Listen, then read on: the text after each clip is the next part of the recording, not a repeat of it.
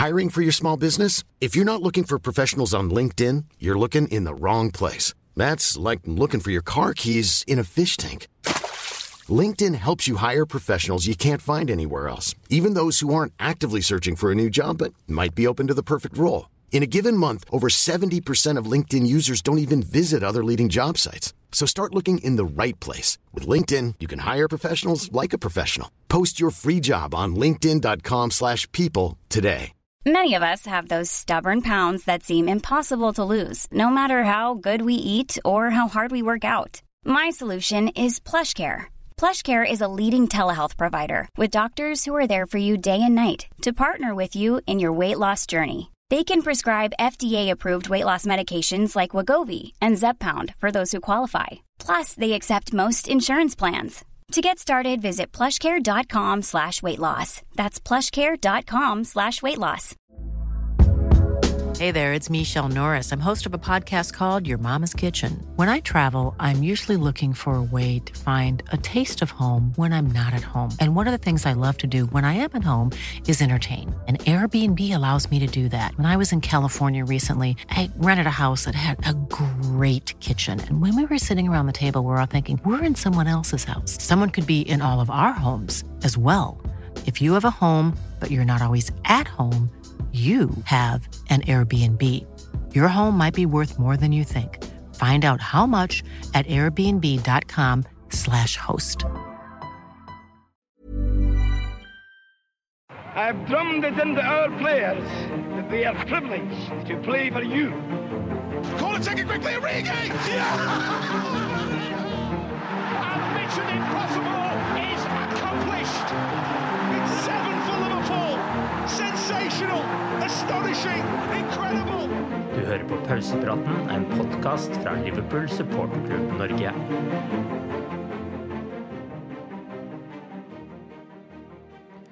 Det føles ekstremt deilig at Liverpool tar vinterpause på tabelltopp, og så føles det ekstra deilig at man kan returnere fra vinterpausen også på tabelltopp.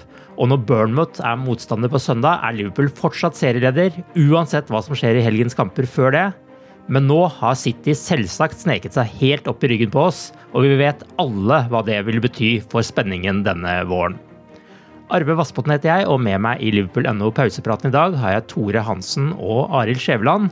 Og i denne episoden vil vi snakke om snylting fra dommerne, poengtrekk og økonomiske regler, januarvinduet der vi stort sett bare sender spillere ut og inn på lån, og så har vi noen leserspørsmål også. Men Arild, la oss begynne med vinterpausen. Hva har spillerne gjort mens de har tatt noen dager hvile nå? Jørgen Klopp sa vel før uh, vinterpausen at han ikke hadde god nok engelsk til å sette ord på hvor masse han gledde seg til, til en pause. Han, uh, han var den første som ble avbilda på, på, tur. Det var en skauser som eh, plukka han opp på flyplassen i Dubai, så han skulle til varmere strøk. Der òg ja. Ellison vår og vi har sett at Konaté og Mark Ellestad har vært i varmen. Um, Harvey Elliot har vært på en tur til Barcelona, og David Nunes har vært tilbake hos, hos gamleklubben og sett en kamp. har sett. Um, Curtis Jones har vært i New York på kjærlighetsferie, og Trent Alexander Arnold uh, har vist sin voldsom interesse for mote og vært på, på første rad på, på visninger til både Dolce Gabbana og, og Prada. Så han uh, ja. Det er jo ikke bare den der Adidas-avtalen uh, hans verdt 26 millioner pund, så er så i i, i motebildet der. Han har vel han har fått seg noen sponsoravtaler nå siste, siste året. Eh, det mest interessante er vel kanskje at Andy Robertsen har vært i Dubai. Han er vel den eneste som har trent. og eh, Det var tre måneder etter operasjonen så skulle de begynne å belaste litt mer. og han har, han har uh, hatt fulle økter i, i, Dubai. og Han var jo tilbake på, på treningsfeltet han òg på onsdag, så det ser jo ut som at han kanskje kan være ruta til å, å spille denne måneden likevel. Det er iallfall eh, gode nyheter å få med seg etter den eh, pausa der. Noen som ikke har fått hvilt så mye de siste dagene, er en del klubbers advokater, og spesielt de som representerer Everton og Nottingham Forest. Før så het det Financial Fair Play, forkortet FFP. Det heter det kanskje fortsatt, men nå er det forkortelsen PSR vi skal tenke på. Profit and Sustainability Rules. Før vi går nærmere inn på de sakene der, kan ikke du gi oss en kort forklaring, Tore, på hva PSR er?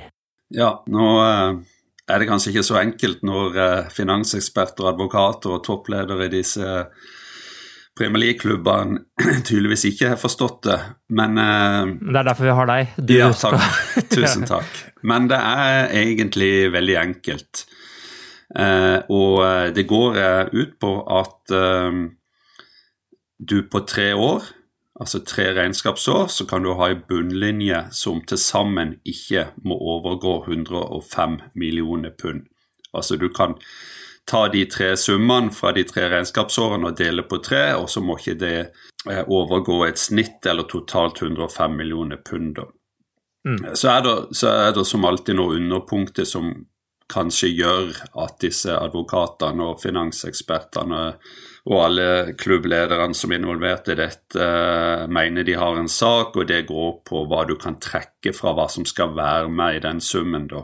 Og typisk så har satsing på akademi, damelag, investering i infrastruktur, f.eks. stadion, uh, det er ting du kan trekke fra etter visse uh, vilkår, rett og slett.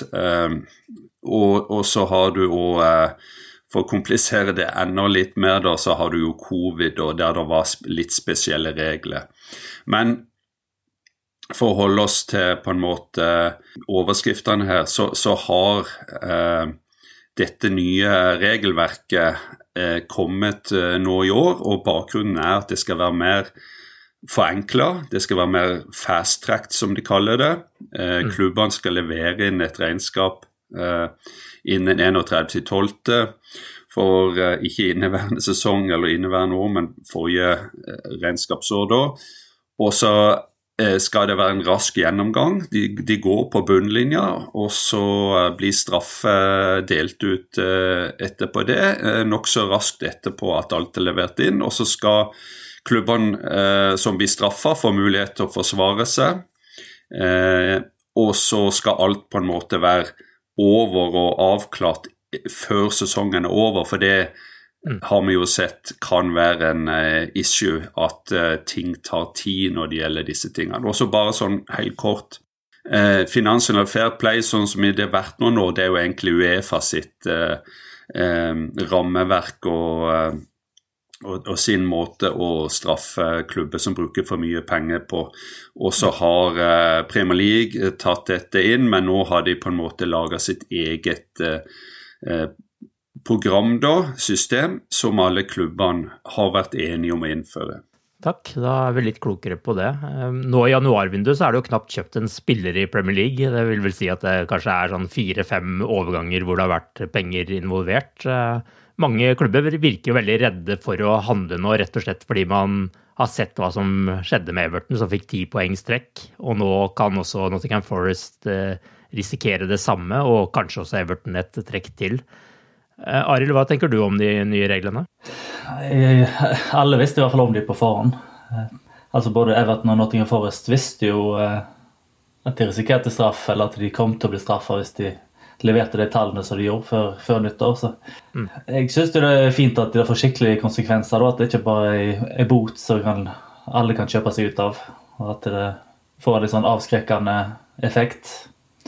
Det gjør jo at Arsenal ikke har kjøpt spiss, og United ikke har kjøpt et helt nytt lag. Og, og, Newcastle, og Newcastle, har forsterka med alle de problemene de har. Så det gjør i hvert fall at klubbene må, må tenke seg om. Du hadde jo, når du nevner Newcastle, du hadde jo en kommentar med tittelen 'Skal vi liksom synes synd på Newcastle nå'? Eh, hva var budskapet ditt der? Det kom et eh, Newcastle leverte sin, sine tall og, og, en rapport fra han daglig leder eh, hva heter Darren Eels. Der han sa at begrensningene med det regelverket gjorde at de kanskje måtte selge noen av stjernene sine for å kunne forsterke i andre posisjoner. Og Da var det flere Newcastle-baserte journalister, men òg men òg andre som var ute og sa hvor urettferdig dette var. da. Eh, jeg syns ikke det er så veldig urettferdig at du, du kan få en, en rik eier og vinne i lotteriet, og så kjøpe deg til topps med en gang. Eh, Newcastle de redda vel plassen første sesong. da de fikk en ny eier midtveis. Og så kom de seg til Champions League på, på, andre forsøk. De har brukt 400 millioner pund på nye spillere. og altså Hvor synd er det på dem? Eh, de hvis det er noe som må være timingen, at de, ikke fikk nye eiere på et tidspunkt der det ikke var et regelverk, sånn som Chelsea og City gjorde. Um, Ja. Men jeg, jeg syns det er helt rart at det skal være at det skal være forventa at du skal kunne ta en snarvei til suksess når, når liksom, liksom nesten alle andre klubber må gjøre det på en skikkelig måte. Ja, og så ble det vel nesten sånn argument om at eh, ja, hvordan skal noen kunne blande seg inn i topp seks da, hvis de ikke kan kunne ta sånne snarveier, nærmest. At eh, det ble sånn der monopol for topp seks-lagene fordi ingen andre fikk lov å bryte reglene. Ble jo nesten mantraen her, ble det ikke? Så har de jo sikkert en liten altså De har kanskje et par argument med, med stadionstørrelse og kommersielle inntekter og sånt, men den må jo bare være lur, da. Og Lukas viste nå i fjor at det er mulig med et lag som nesten var klar for å rykke ned, pluss pluss en eh, tre-fire spillere de kjøpte. Så det er liksom veldig forenkla å si at det skal være at det blir umulig for å bryte inn. Det viser vel òg Aston Villa i år. Eh, Tore, du har jo gått gjennom faktaene her, men jeg kjenner jeg deg rett, så sitter du og brenner inne med litt meninger også om eh, dette regelverket. Syns du det er veien å gå? Ja, veldig. Jeg syns eh, det å gi en sportslig straff, som Arild var inne på her, og ikke bare en bot, det er nøkkelen. For eh, ja, si eh, hvem, hvem er det potensielt som over flere år ville ha brutt dette regelverket, da? Jo, det er de største kanonene, det er de rikeste klubbene. og eh, ei, ei bot ville bare ha blitt eh, et punkt i regnskapet, noe de bare hadde lagt inn og på en måte eh, tatt med i hele bildet, og, og, og sånn eh, skal det ikke være. Eh, det er jo et større bilde her òg, og det gjelder jo hvordan fotballklubben skal drives, og hvordan fotballen skal være i årene framover. Og, og hvis ikke det er sånn at eh, klubbene som i alt annet her i livet skal balansere på en sånn noenlunde grei pluss-minus, at du bruker penger etter hva du tjener, så, så er vi på ville veier. Sånn er det bare. Det, det er sikkert litt gøy eh, for uh, supportere i klubber som uh, blir kjøpt opp og det blir spytta inn masse penger og alt det greiene der, men uh, I altfor mange år så har fotball vært uten en, en, en stø kurs, og det har vært for få konsekvenser. og Regelverket har stort sett vært en eh, smikk på fingrene og eh, kanskje en liten bot, kanskje transferband eller eh, i verste fall utestengelse fra eh, en europaturnering. og det har vist at det ikke holder, det er ikke nok. Det, er fortsatt smutthull å benytte seg av. Og der har uh, fotball, og hvis en tenker Premier League, da, uh, vært for seine med å tilpasse seg og stramme inn. Vi, uh, vi har jo sett at altså hva skal vi si, Før Newcastle så var det jo Chelsea og City da, som ble, ble kjøpt opp av folk du kanskje ikke forutså kom til å kjøpe fotballklubb i 1992 når Premier League ble, ble stifta. Chelsea vant, hadde vel vunnet én liga, eh, et ligamesterskap, før de ble kjøpt opp. Det var i 1955. Eh, City hadde vunnet ligaen i 37 og 68 før de ble kjøpt opp, og har vunnet ligaen sju ganger etterpå. Det må, det må være noen grenser, det må være noen rammer også for fotballen, hvor det har vært mye vill vest og pølsepapir og millionære, millionærer, milliardærer for, for er det vel egentlig nå, da, som har kommet inn og splæsja inn penger, og så har eh, det av og til gått bra, men veldig mange tilfeller så har det òg ikke gått så veldig bra. Og eh, vi er avhengig av en, eh, en fotball som er bærekraftig. Vi er avhengig av fotball som uh, viser litt vei. Og uh, det, sånn har det ikke vært. Og, og at de reglene som kommer nå, det, det er sikkert noe fintuning som må til her òg. Men uh, sportslig straff, et mer tilpassa regelverk, det applauderer. Og at en ser at det blir skreket om korrupsjon og og sånne ting jeg vil egentlig snu på der og si at endelig har fot fotballen, endelig har Premier League fått eh, et, et verktøy å, bruke, og det er gøy å Eller det er skal ikke si gøy, men det er bra at de virkelig òg tør å bruke det.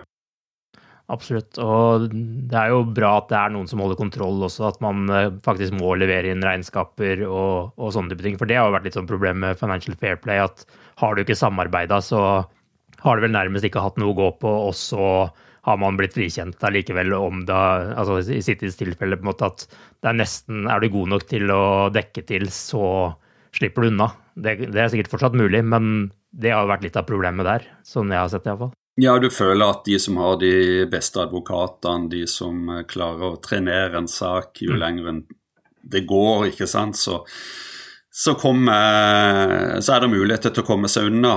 Her er det, her er det mye mer strømlinjeformer strømlinjeforma og mye strengere. og er, jeg syns òg det er et godt poeng det med at de, de har en, en dato 31.12. Eh, hvor Eh, regnskap fra forrige sesong skal være på plass, og så går det relativt kort tid før en får eh, svar på om en er innenfor eller utenfor, og så kan en eh, klage, og så blir den klagen behandla, men så skal alt være avslutta innen sesongslutter. Sånn at en vet når siste ligarunde går, om det blir opprykk, nedrykk, seier eller Champions League-plass og alt det grann der på de klubbene som er involvert. Absolutt. Det kan bli en spennende sesong også for Everton-supportere i forhold til akkurat det. For det virker jo ikke akkurat som det bare er det som skjer på banen som vil avgjøre utfallet for den klubben akkurat nå. Men du er jo innom eh, klubber med mange advokater og som trenerer, og det nærmer seg nå et år siden Premier League fremsatte 115 anklager om brudd på økonomiske regler mot Manchester City. Men de har foreløpig ikke fått noe poengtrekk eller noen straff. Eh, hvorfor ser vi ikke noe poengtrekk på dem, eh, Tore, slik som vi har fått med Everton? Ja, Det er dagens beste spørsmål, tror jeg. For eh, det er jo det alle lurer på, og ikke minst hvorfor det kan være sånn. Det er vel ikke så veldig komplisert, kanskje, men det er jo litt, som de sier, to litt forskjellige ting her, da. Everton og Forrest de kommer jo inn under dette nye PSR-reglementet, hvor eh, det er regnskap for tre sesong og bunnlinjene der som avgjør om du er innenfor eller utenfor. That's it, liksom. Og det, det er ikke det konkrete eh, City handler om, selv om det indirekte òg er det. Men det går jo på eh, det, det, henger jo litt sammen med det de var anklaga for gjennom eh, Uefa for noen år siden. Noen husker sikkert den saken der. De ble etterforska, og det ble også dømt. Så anka de, og de eh, slapp unna, for å si det sånn. Um, men det var også basert på at uh, etter Uefa sitt regelverk så, uh, så var en del av de anklagene forelda, så de, ja, de slapp unna. Eh, Premier League satt litt på gjerdet da, så hvordan den saken gikk. Og når den saken ble avgjort, så hadde de kjørt på. Eh, og det skal de jo ha eh, kreditt for. Og det som er kommet fram, er jo stikkord som eh, løgner, juks, konspirasjon, et kynisk prosjekt der de klubben direkte eller indirekte prøver å lure fotballorganisasjonene og, og gjøre ting på sin måte i forhold til å blåse opp sponsorinntekter, overrapportere Eh, de har betalinger til staff, ikke minst eh, den første manager som vel ansatt, Roberto Mancini, som eh, på en måte fikk dobbel lønn. Han fikk òg lønn fra underselskap til, eierne, eller tilsvarende, som ikke ble rapportert inn. og It's that time of the year. Your vacation is. You can already hear the beach waves, feel the warm breeze, relax, and think about work. You really, really want it all to work out while you're away. Monday.com gives you and the team that peace of mind. When all work is on one platform and everyone's in sync, things just flow wherever you are. Tap the banner to go to Monday.com.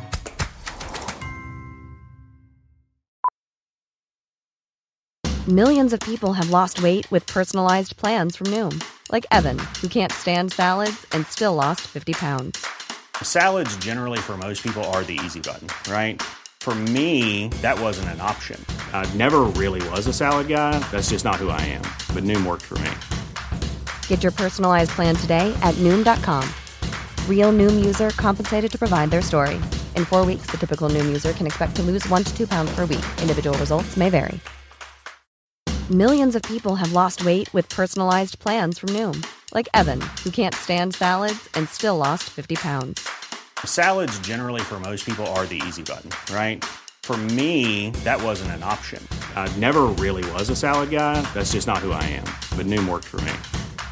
Get your personalized plan today at Noom.com. Real Noom user compensated to provide their story. In four weeks, the typical Noom user can expect to lose one to two pounds per week. Individual results may vary. Hey there, it's Michelle Norris. I'm host of a podcast called Your Mama's Kitchen. When I travel, I'm usually looking for a way to find a taste of home when I'm not at home. And one of the things I love to do when I am at home is entertain. And Airbnb allows me to do that. When I was in California recently, I rented a house that had a great kitchen. And when we were sitting around the table, we we're all thinking, we're in someone else's house. Someone could be in all of our homes as well. If you have a home, but you're not always at home, you have an Airbnb. Your home might be worth more than you think. Find out how much at airbnb.com/slash host. Wow. Nice. Yeah. What you're hearing are the sounds of people everywhere putting on Bombas socks, underwear, and t-shirts made from absurdly soft materials that feel like plush clouds. Yeah, that plush. And the best part? For every item you purchase, Bombas donates another to someone facing homelessness. Bombas. Big comfort for everyone. Go to bombas.com slash ACAST and use code ACAST for 20% off your first purchase. That's bombas.com slash ACAST. Code ACAST. Det kan være skattemessige ting her. Uansett, eh, det er en eh, boks med mye rat rart oppi, og det endte da med for et års tid siden at Premier League kom med 115 anklager etter å ha etterforska i fire år. Fire år brukte de på å komme fram til dette. Mm. Eh, og så er det jo spørsmålet ja, hva skjer videre nå, da? Eh, nå er det gått et år, og de er ennå ikke sikre på at eh, de kommer i mål i dette kalenderåret. Det er snakk om at det skal komme noe på slutten av året, i november, men eh, det er òg folk som mener at det kan ta lengre tid. Og hva skal jeg si, det, det, er ikke bra for fotball, det er ikke bra for Premier League å ha en sånn sak gående med liksom eh, flaggskipet på en måte som Manchester City er blitt, da, med alle de titlene de har vunnet. Og eh, vi kan altså risikere at Manchester City vinner ligagull igjen, toppremien i engelsk fotball, mens de er anklaga for 115 brudd på regelverket. Og åssen tar det seg egentlig ut? Ja, de kan vinne tittelen igjen, og i helga kom Kevin De Bruyne tilbake til skade og snudde kamp mot Newcastle totalt på slutten. Først skåret han, før han på mesterlig vis også spilte fram Oscar Bob, som skåret vinnermålet på overtid. Og med det resultatet så er altså City nå nummer to på tabellen, to poeng bak Liverpool, med like mange kamper spilt. Eh, dette scenarioet her har vi vært i før. Eh, hva tenker du nå, Arild, om de neste månedene? Og hvis du har noe å tillegge om uh, City og regelbrudd, så må du bare gjøre det i samme slengen, altså. Nei, jeg, jeg, så den kampen, og så måtte jeg gå akkurat når De Bruyne gjorde seg klar til å komme inn.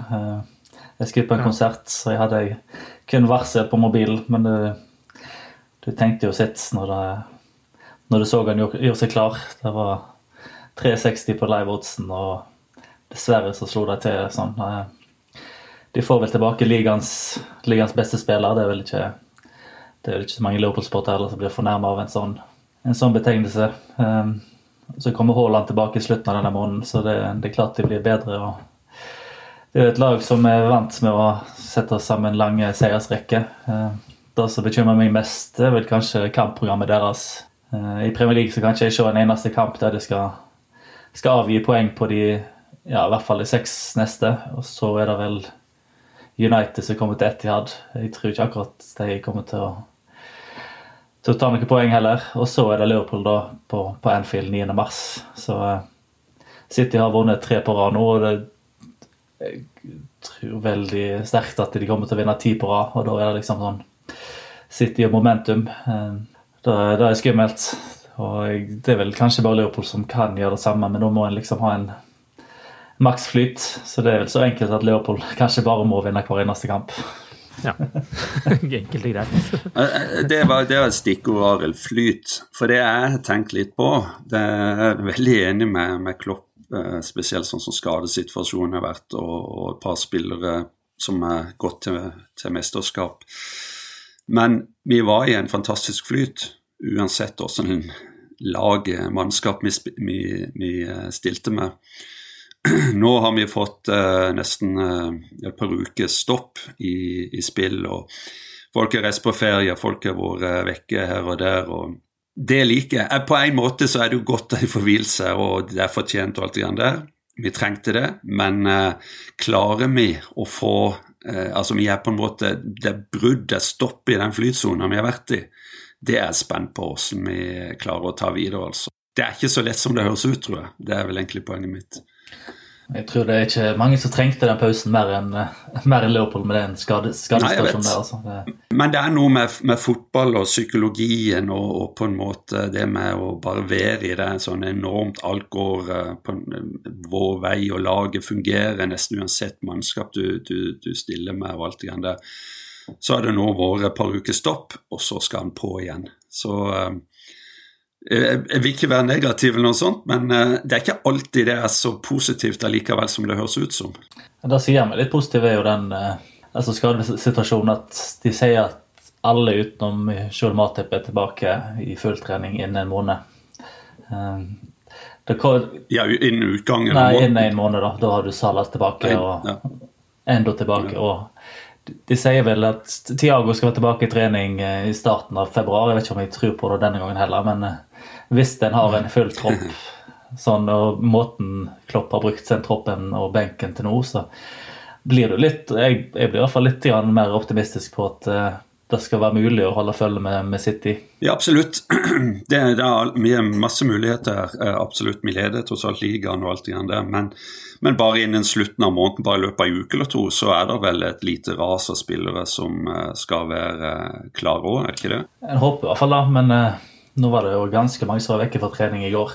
Det kan jo være Sloboslai og, og Trent Ja, Robertsen og... trente heller ikke med laget ennå. Ikke Simikaz og Ja, men uh, det er vel den Chelsea-kampen, og det handler vel litt om å komme seg gjennom Bournemouth og semifinalen, og så, så er det Chelsea og, og Arsenal på ei halv uke. Så har vi jo hatt litt flaks kanskje med trekning i FA-cupen også, som gjør at man kan hvile noen spillere der som uh, Sånn at man kan spare ting til eh, Premier League også. Ja. Det blir jo litt sånn uh, spennende framover nå hvordan man skal prioritere de tingene der også. Altså, det er jo vanskelig å ikke prioritere Premier League så lenge man er så høyt oppe også. Jeg føler han har funnet en veldig sånn, god måte å gjøre det på med at de angriperne f.eks. som starter, de spiller, de spiller 60 minutter, så kommer de inn eh, andre etter 30. Mm. Det virker sånn han har truffet helt perfekt på den til nå, i hvert fall i år. Ja. Angrepsspilleren spiller 60 minutter, og så kommer andre inn eh, og skårer målene. Det er litt sånn. de har møra de, og så kommer de andre inn og setter inn dødsstøtet. Det er vel litt sånn. Men, men, det er ofte to og tre spillere nå som kommer inn. Det er, det er sjelden det bare er den ene. Ja, Han bruker alle bøttene sine egentlig hele ja. tida. Ja, gjør det. Så det, er, det, er jo, det må jo være helt bevisst når det skjer så ofte i så mange kamper. Så det er jo ja, interessant. Og det, det viser jo den bredden og at eh, altså Før så hadde du tre på topp, og så var det nesten litt krise når eh, Salah eller Mané eller eh, Firmino var ute. Men nå har du fem der som kan gå inn og, og levere på, på, toppnivå. Og det spiller nesten ikke noen rolle hvem av de som starter eller som sitter på benken, føler jeg. Mm. Det er selvfølgelig Du har Salada som starter hver kamp, for all del, men uh, du skjønner hva jeg mener. Definitivt. Og før så hadde vi jo sånn at uh, man satte inn Origi, og så tenkte vi faen, nå kommer Origi, og så skårer Origi. Og så, men nå, nå har de ikke den der faen-følelsen, men uh, det kommer inn spillere og skårer likevel. Det er veldig deilig med Shota, f.eks. Men hva tenker dere når denne sesongen er over? Nå innrømmer jo han dommersjef for Webb at eh, Liverpool ble snytt for straffespark da Martin Ødegaard henset i 1-1-kampen på lille julaften. Og så husker vi jo alle at Liverpool også blei fradømt et ekstremt viktig mål i tap mot Tottenham. Altså, frykter dere at det er de situasjonene der vi skal snakke om når denne sesongen er over, at disse dommerskandalene blir på en måte the slip denne sesongen? Altså, den uh, Louis Diaz-feil blir jeg fortsatt litt forbanna av å forstå. Men uh, Ødegaard, ja. den uh, Jeg føler liksom at, at den straffen ikke får det sånn som, som, som skjer. Så jeg, jeg, sliter litt med å hisse meg opp over akkurat den. fordi ja, Kanskje fordi det var en time igjen av kampen og det ikke skjedde på, på overtid, eller Nei, så akkurat det er jeg kanskje feil mann til å svare, men for meg er det en Tottenham-feil. Og så alle gangene vi må se politien i, i aksjon. Det er vel kanskje de to tingene som irriterer meg. Altså, du blir ikke irritert når du ser den videoen eh, av liksom var eh, Eller videoen med lyden fra var-rommet på den Ødegaard-situasjonen? Jeg syns det er rart at, eh, at han assistentvaren ikke kan ta seg tre sekunder og se skikkelig på det. Men jeg følte at det ikke ble så kampavgjørende kanskje som Altså Liverpool kom tilbake i den kampen og burde jo avgjort på slutten med det tverrliggende treffet og alt det der, men jeg føler ikke at det blir så kampavgjørende på en måte som den, eh, den feil mot Tottenham, hvis en har tatt ledelsen der. Det, nei, det er bare forskjellige grader kanskje av irritasjon. Dette er ned på en, dette er ned på en toer, mens de har sin en tier. Jeg skjønner. Ja. Hva, hva mener du, Arve? Vi er her for å lytte. Vi har noe du har lyst til å si? Nei, altså jeg blir bare Jeg blir bare opprørt bare når jeg hører liksom disse samtalene i varerommet, for jeg føler det er så vet ikke, Det høres ut som det er bare om å gjøre å på en måte være enig og bli ferdig med ting, istedenfor at det kommer noen kritiske røster inn og sier noe. For det, det virker jo ikke som det på en måte er Om det er noe særlig rom for det. Det, det viste man jo under Tottenham. Uh, skandalen. Og det virker jo ikke som det på en måte er noe sånn spesielt annerledes denne gangen. altså Det kan jo godt være at jeg er helt enig, så det ikke er noe vits å si noe heller. Men ja, jeg vet ikke, jeg, jeg føler på en måte samtalen handler om å Nå må vi bare få jo dette her unna, gutter. Good job. Det var ikke straffe. Ja. ja jeg er litt sånn Jeg står kanskje sånn jeg vet ikke om det er rett å si jeg står midt imellom dere, men eh, det er Jeg, jeg blir heller kanskje ikke så ekstremt ekstremt opphissa. Eh, og sjøl etter å se den jobben som de gjorde, og får se den videoen i etterkant, og du føler at akkurat som du sier, Arve, at det, det, er bare en dårlig jobb eh, som de mm. gjør. Men det som forundrer meg mest med akkurat den hendelsen eh, og den situasjonen med Ødegaard, det er det at jeg tror alle som satt og så på eller var på tribunen, minus én person, dommeren, bare sånn helt ryggmargsrefleksmessig bare tenkte dette her må være straffe. Ja. Um, og, og det, da er vi litt tilbake til var og meninger med var og Holdt på å si meninger med livet. mm. uh, hvorfor vi har var. Var og meninger med livet, ja. uh, for jeg, jeg, jeg syns dommerne er, er, er blitt passive i forhold til den mm. situasjonen. De, de, det er nesten sånn de avventer eh, videodømminga skal steppe inn. Men hvorfor Altså, dommeren det, Jeg tror det er viktig, uavhengig av hvilket hjelpemiddel dommerne har. De må dømme sånn som de alltid har gjort. De må bruke eh, altså det de, eh, sin fotballforståelse, det, de, de, må bruke regelverket, de må eh, de må, de, må, de, de må, dømme ut ifra det de ser på banen, og ikke tenke et skritt fram. Og der føler jeg den største svikten nesten skjedde i denne situasjonen. For det var noe som alle automatisk bare tenkte dette er en hands.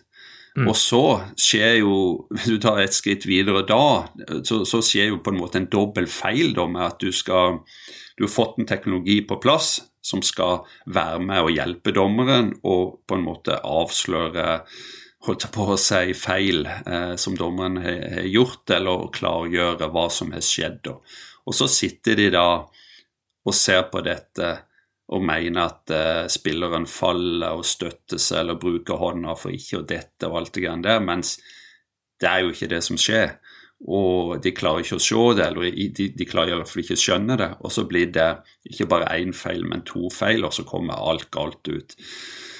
Eh, og det er jo det som sånn totalt sett mange, og det gjelder jo ikke bare Liverpool, men supportere fra alle lag, eh, reagerer mest på at vi har fått en teknologi på plass som skal eliminere feil, og så gjør han ikke det. Og, det, og der står vi altså fortsatt. Ja, altså legger jo dommeren premisser for hva som skal skje etterpå også. ikke sant, Sånn som i den situasjonen her, Hvis uh, dommeren uh, dømmer straffe, så er det stor sannsynlighet for at det uh, ender opp med å bli straffe også. Eller sånn som den Shota-situasjonen, da, hvor mange hevder at han diva på en måte, Hadde dommeren latt være å dømme der, så hadde det vært mye større sjanse for at VAR også hadde funnet argumenter for at det ikke skulle være straffe. Så det er jo litt sånn det foregår også. Men jeg er helt enig med at dommeren må på en måte ta den avgjørelsen han mener er riktig, ikke basere seg på at VAR plukker det opp i etterkant heller. Fordi det viser seg jo at det ikke, ikke skjer. Og så kunne man jo da tenkt seg en situasjon hvor han dømmer straffe, at han da får lov å se situasjonen på video og selv kan avgjøre om var det straff eller ikke. Det, det syns jeg på en måte er den mest fair måten å gjøre det på, da. Men Al altså, det var jo helt fantastisk å se på den ligacupkampen mot uh, Fulham. Uh, Dommeren Vi skårer mål. Dommeren blåser mål. Eh, linjemannen har flagget nede. På to-tre sekunder så vet du helt sikkert at eh, vi har fått, fått en goal. Mm. Og det, det, var faktisk eh, Ja, det var godt. Det, det, det jeg følte var Du fikk litt fotballen tilbake igjen. Ja. Det er fint det er noen sånne øyeblikk også. Eh, Liverpool er jo ikke i noe fare for noe PSR-brudd, som vi vet om. Eh, men likevel så virker det ikke som Liverpool har tenkt å forsterke noe i dette vinduet. For det meste handler om å hente tilbake spillere fra lån og sende de ut igjen. Eh, Arild, jeg har mista litt oversikten sjøl, men har du oversikt over hva som har skjedd nå i vinduet for Liverpool? Ja, det har ikke gjort så bra for Liverpool sine utlånte spillere denne sesongen her til nå. Zapp, nei, Sepp van den Berg han gjør det veldig bra i, i Mainz. Og Tyler Morten gjør det bra i Hull. Og så gjorde Oven Beck det bra i Dundee før han ble Han ble vel andremann som ble, ble henta hjem.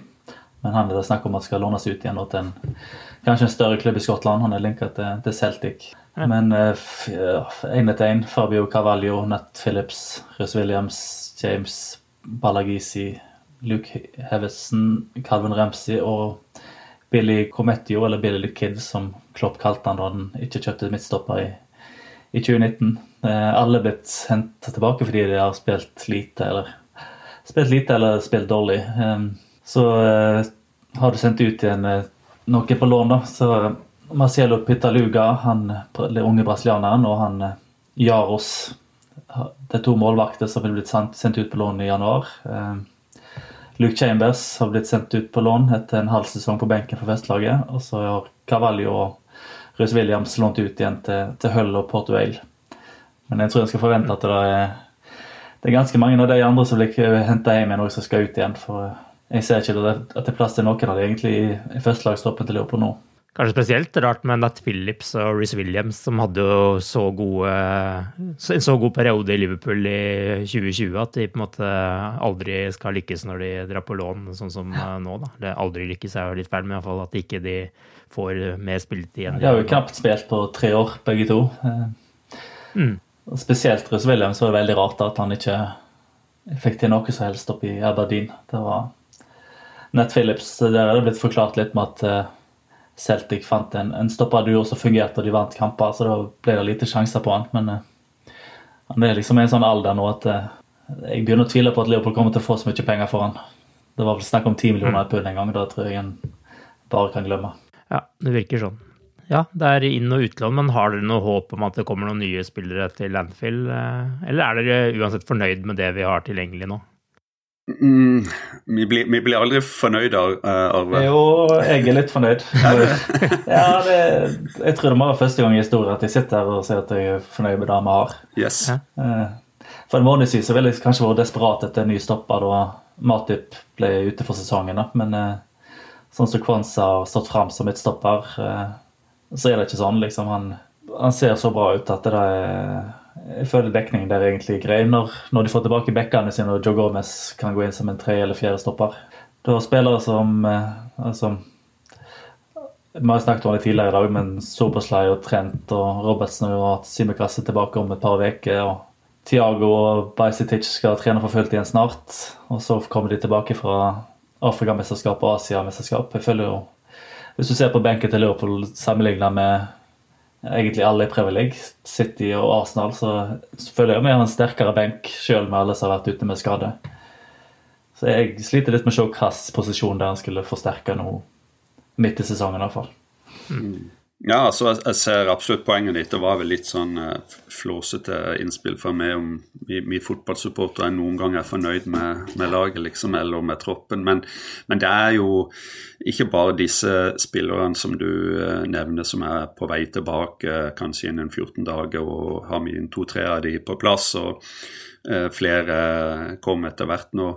Men uh, det er jo et poeng, syns jeg, at uh, troppen, stallen, har vokst denne sesongen. Uh, se på uh, Kwanza, se på Bradley de siste par kampene. Altså Når du får sånne tilvekster på plasser, altså på det stopperplass og, og kanskje høyreback som det er blitt verdt et par spørsmålstegn rundt. da, og når vi da får fram sånne typer fra, fra egen eh, stall, så, så, er jo det gull. Og eh, det, det, hjelper jo mye i forhold til det puslespillet det er å, å sette sammen en, eh, en tropp, da. Um, så, så er jeg veldig enig på, på, på mange måter. Uh, Leopold har jo kjøpt en del, faktisk, i uh, januarvinduet, uh, men det er, og, men det er jo på mange måter en styrke òg å ikke gjøre det. Og ha planlagt så godt at en ikke trenger å gjøre det. For skal en styrke laget, skal en hente inn toppspillere, så, så, vet jo alle at det, det er sommervinduet som teller. For så har det ofte handla om å benytte sjansen hvis andre klubber er på vei inn. Uh, både med Louis mm. Diaz og Cody Gakpo så var det jo de veldig linka til, til andre Premier League-klubber før Liverpool liksom det var tydelig at de hadde de på, på lista si, og da måtte de bare få det gjort. Altså Dette vinduet så handler det om, om sommervinduet igjen. Det er vel tre spillere til nå som har sett som alle egentlig virker ganske realistiske at Leopold har på blokka si. Det en ung midtstopper fra, fra, Sporting som heter Osman Diomande. Han er 20 år gammel. Eh, da ligger det vel litt i kortet at Matip kanskje har spilt sin siste kamp i, i Leopold. Han er 33 år til sommeren og er på utgående kontrakt. Det er en midtstopper som du kan se i Afrikamesterskapet nå, da, for, for Elfenbenskysten. Har jo fortid i Danmark, men han, han, var ikke billig når han gikk fra Danmark til Sporting heller, så han blir nok ikke billig når han, hvis han går videre til Leopold om, om, et par måneder. Og så er de linka til to angrepsspillere som eh, begge er vel 22 år. Det er han Summerville fra Leeds. Eller en CAD-spiller. Så kan han spille i en del posisjoner. Så har du Michael Olysée som var på vei til, til Chelsea i, i sommervinduet, men som signerte ny kontrakt. Han skal ha en, en utkjøpsklusul. Han ser jo veldig, veldig bra ut, selv om, om det er Rogers Nei, det er Roy Hodgson som har vært manageren hans, så ser han ut som en, en diamant. Ja, det er stor, eh, stor sum. Ja, det er 60 millioner pund. Det er ikke mye derfor en 22-åring som Jeg tror han teller som sånn homegrown òg, fordi han har fortid i City. Mm. så det det er nok en, det er noen navn der som gir litt mening. Men det er jo nettopp det som er liksom litt clou her. at eh, måte, Hvis noen av de spillerne man har tenkt seg til sommeren, plutselig andre klubber begynner å lukte litt på de, så kan det plutselig skje noe her. Men det er vel egentlig nesten eneste håpet om at det skulle komme inn en ny spiller her òg, hvis man skulle ønske seg det. For det, det, var jo egentlig det som skjedde med både Diaz og Gakpo også, at det var spillere man hadde pekt seg ut, og så måtte man egentlig bare agere for å sikre seg spillerne likevel. Men eh, i den forbindelse så har jeg et lesespørsmål fra Ole Bolin, og det går på Kvansa. Han skriver at Kvansa har imponert veldig denne sesongen. Før sesongen var det mange som mente Liverpool burde forsterke forsvarsleddet også, ikke bare midtbanen. Men Kvansa ble raskt veldig god og er nå selvskreven i troppen. Og så kommer egentlig spørsmålet, da. Dersom vi hadde kjøpt inn en stoppertalent til 50 millioner pund, som f.eks. Colville, ville vedkommende fått godkjent hittil i sesongen dersom han hadde prestert akkurat like bra som Kwanza? Jeg tror nesten hvem som helst hadde fått godkjent hvis han presterte sånn som Kwanza har gjort til nå. Eh, til og med mm. Guardiol, som koster City 90 millioner euro, tror jeg hadde fått godkjent for de prestasjonene som han har alt, Altså. Ja. For meg så har han vært sesongens store positive overraskelse. Eh, jeg blir ikke lenger stressa av å se han i, i startoppstillinga, enten det er sammen med Konaté, sånn som mot Arsenal, eller om det er med lederen van Dijk. Han virker liksom så, så moden og har alt, alt som skal til. Det kom jo noen feil, så mm. klart. så Litt rusk er det jo. sånn Straffespark han lagde mot Palace og litt sånne småting. Men eh, da må en liksom bare regne med når en snakker om en så ung spiller. Ja, og det rusket ser vi jo fra van Dijk Ja. også, så det, det er jo ikke Han er jo ikke aleine om det. Så jeg er i hvert fall uendelig glad for at det var Kwanza som var stoppa nummer fire før denne sesongen her. Eh, altså heller en, en Nett Phillips-type, da. Eh, nå er alle bekkene skada, så Joe Gomez har jo ikke vært vikar i, i Midtforsvaret. Men eh, han vokser jo bare etter mer, flere og flere minutter han får. Det er det som er nøkkelen. Altså, han har alt som skal til for, for å bli en, en, en eh, veldig veldig god eh, midtstopper. Han er jo allerede veldig bra når du spiller som han kom på oppe på FC, men f.eks. Nat Phillips Når han ble kasta inn, all kred til han for den jobben han gjorde, spesielt den sesongen vi hadde midtstopperkrisen, og vi, og vi klarte eh, Champions League-plass med et nødskrik. Fantastisk å spille med hjertet og alt det grann der, men du så allerede da det, det han leverer nå, på den måten han spiller eh, Litt sånn typisk britisk eh, midtstopperkarakter. det er toppnivået hans sitt. Han har ikke mer å gå på. Det var iallfall det jeg følte. Eh, nå er jeg kanskje litt slem, men det var det jeg følte. Men han gjorde en fantastisk jobb for oss den våren. Men når det gjelder Kwanza, så føler du at han, han er på et veldig bra nivå. At han er, han er altså, teknisk slepen, han er god i pasningsspillet, sterk på hodet, atletisk, sterk i kroppen. Han har egentlig blikk for spillet, han har egentlig alt. Tør å gå med ballen. Eh, og så føler du at han kan utvikle seg ytterligere. Det er enda mer eh, å gå på på alle de områdene. Og, og, det, eh, og, og sånn sett så på en måte Han, er, han blir 21 år om 11 dager til. Og på en måte litt sånn leit, uh, bloomer på, på, et vis, da, når du slår gjennom som 21-åring i Premier League og har vært i klubben siden du var fem år. Men uh, han, han uh, leverte sakene bra i preseason. han var absolutt en mann som du tenkte oi, shit. han her spiller jo ganske bra. han var utlånt i fjor da, til Bristol Rovers, men det er Jeg tror ikke en kan egentlig eh, snakke han for varm ennå, for eh, det han har levert, eh, er ikke bare å kunne komme inn og gjøre en, en kamp i ny og ne og være en, et navn i, i troppen. Med tanke på de skadene vi har, men han kom inn og spiller bra og er på kort tid blitt en, en stopper vi kan stole på. Ja, og jeg- føler liksom sånn Det er litt sånn van Dijk-vibber rundt han også. ikke sant? I van Dijk-sangen så synger man jo 'Calm as you like', eh, og, det er litt det jeg Ja. føler med han også. Han er litt sånn rolig, kul type som på en måte ikke lar seg stresse. Han har eh, fart, han eh, har duellstyrke, ålreit pasningsfot. Jeg føler på en måte at han er på en måte Iallfall sånn som han har fremstått nå, så er han på en måte en fremtidig leder i Liverpool-forsvaret, kanskje. da. Og det har vi da på en måte nærmest funnet fra egen eh, stall. Det er jo veldig deilig. Ja, han, og en annen, et annet ord som ofte blir brukt om van Dijk, er presence. Og det Mm. føler jeg Kwanza òg har. Eh, nå skal vi kanskje ikke Han var litt forsiktig nå. Ja. Ja, ja, jeg vet uh, godt med deg, Arild. Du drar ikke alltid ned igjen på når vi, når vi eh, for å jinxe ting her, men uh, Du var så positiv i dag at vi tok sjansen. Men, vi gjorde det. Men, uh, men, men han har det, det Han har det den liksom ekstra tingen med seg. Jeg skal ikke kalle det en dim, ekstra dimensjon, kanskje, men han har noe med seg som du bare føler. Som sagt, du kan du er trygg når, du, når han er på banen for Liverpool, om det er for start eller han kommer inn fra benken. Men det, den, det året hvor uh, Rice Williams og uh, Nat, Nat Phillips uh, redda oss, så kan jeg ikke påstå det samme. At jeg satt der og var trygg kamp etter kamp etter kamp. Selv om de gjorde til slutt totalt sett en fantastisk jobb. Så, så det er noe helt annet. Han har noe med seg, og det er å få en sånn mann som har vært i klubben siden han var fem år, som sagt, det å slå gjennom og levere det han gjør, det er, det er bare gøy å se på. Arild, hadde du noe å tillegge eller rette eller noe? Nei. Vi må dra det litt ned igjen, så vi får det på et realistisk nivå nå. Kom igjen, Arild. Nei, den eh, ja, bare, gode, det er bare gode ord å se om han etter denne, denne sesongen der, tar jeg. Så det er jo Det er godt at han har lært seg litt ro. altså han eh, når han var på utlån i fjor, så spilte han under nå kansellerte Joey Barton. og fikk seg et rødt kort for å skalle ned motspiller og litt sånne ting, så det er godt at han ja. Han, han har roa seg litt ned nå, i hvert fall det ser ut som at han ikke er så, så heit. Ja, Han tilpasser seg tydeligvis hvilken manager han har, da. Ja.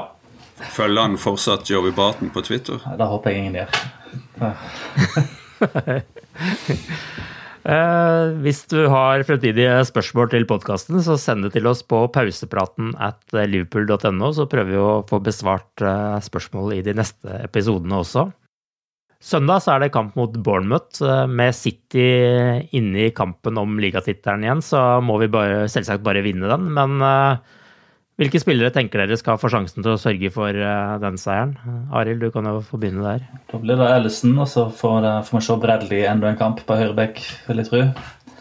Eh, Van Dijk, Konaté, Gomez. Det sier vel kanskje seg sjøl, da. Eh, nå er det jo litt høyde på Bournemouth. Eh, Jones, McAllister Elliot blir kanskje litt lite, men jeg, jeg er ikke imponert over Gravenberg. Jeg føler han liksom er den, den som har datt litt av.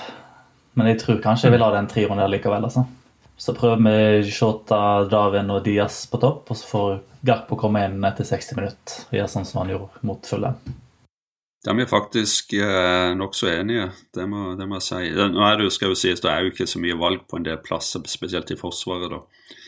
Og det er jo litt begrensa, kanskje på midtbanen og ja, egentlig hele rekka. Så eh, det er en ok første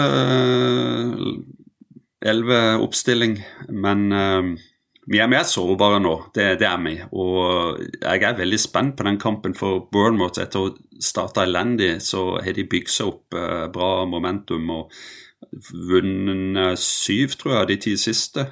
Eh, blant annet 3-0 borte mot eh, United. Så um, eh, de har, de har truffet veldig bra på det, det systemet de har prøvd å implementere. Litt ikke så veldig ulikt det Liverpool spiller med høyt press og tør å stå i presset. Eh, og eh, se på Solanke, sånn, hvordan han trives nå med måten de, de spiller på. Så eh, de har faktisk gjort det veldig bra på bortebane, så det gir oss et lite håp. Men det, er, det er en vanskelig kamp på en bane hvor vi har hatt litt sånn miks av resultater. Nei, jeg òg frykter Bournemouth. Jeg syns de fortjente poeng mot Tottenham òg, men Liverpool må bare vinne det hvis de skal være med å, og kjempe Ja. om titler der. Det er liksom, hvis hvis topp fire er i målet, så er kanskje uavgjort greit, men eh, nå er vi i sånn posisjon at den, det er egentlig bare å seie seg godt nok. Hvem tenker dere skal spille høyreving eh, i den oppstillinga der, da? Eh, jeg tenker jo egentlig at eh, Ja, at det, det blir vel kanskje Darwin eller David til venstre, Dias til høyre, eller De veksler jo veldig på det. da. Eh, jeg føler Jota kanskje ikke har helt den, eh, den farten og sånn. Han er veldig god på masse, men akkurat, akkurat på kanten så er ikke han alltid like, like farlig.